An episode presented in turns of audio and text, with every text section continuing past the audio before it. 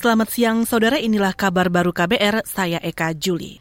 Wakil Presiden Ma'ruf Amin bersyukur dengan putusan Mahkamah Konstitusi yang menolak gugatan uji materi sistem pemilihan umum atau pemilu.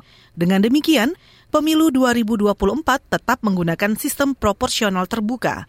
Menurut Ma'ruf Amin, putusan MK dapat mencegah berbagai gejolak yang bisa timbul jika sistem pemilu diubah.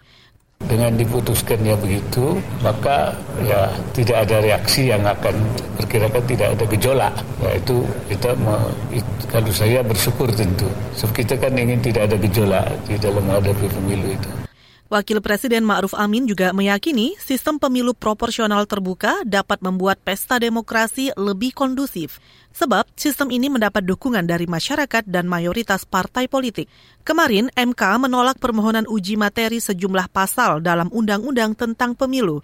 MK menyatakan sistem pemilu tetap menggunakan sistem proporsional terbuka. Kita ke soal lain.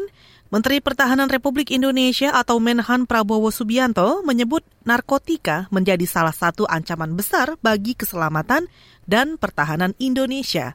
Prabowo mengatakan, mudahnya akses penyelundupan dan penggunaan narkotika menjadi salah satu ancaman yang meresahkan.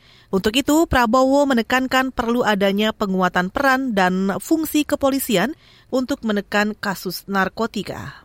Kita butuh polisi yang kuat, polisi yang unggul, karena saudara-saudara, salah satu ancaman terhadap kedaulatan tidak hanya terbuka senjata, tapi kadang-kadang seperti narkoba. Narkoba itu ancaman bagi keselamatan bangsa kita. Saya pernah disampaikan oleh profesor dari UI bahwa hampir 5 juta penduduk kita terpapar narkotika.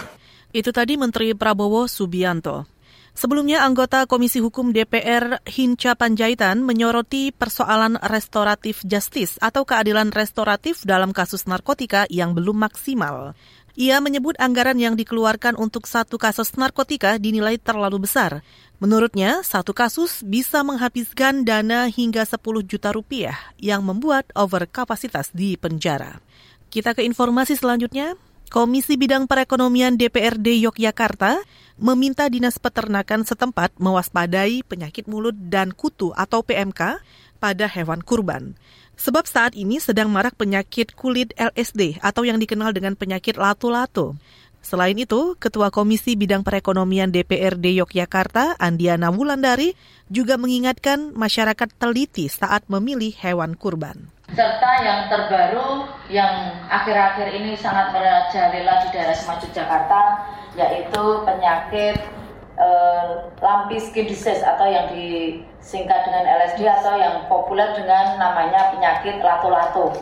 Ketua Komisi Bidang Perekonomian DPRD Yogyakarta, Andiana Wulandari juga menambahkan, penyakit lato-lato telah menyerang sapi milik warga di daerah istimewa Yogyakarta. Sedikitnya ada 300 hewan ternak di Gunung Kidul yang terjangkit penyakit tersebut. Ia meminta pemerintah daerah turun tangan memantau dan memastikan hewan kurban yang dijual layak dikonsumsi dan sehat. Saudara demikian kabar baru, saya Eka Juli.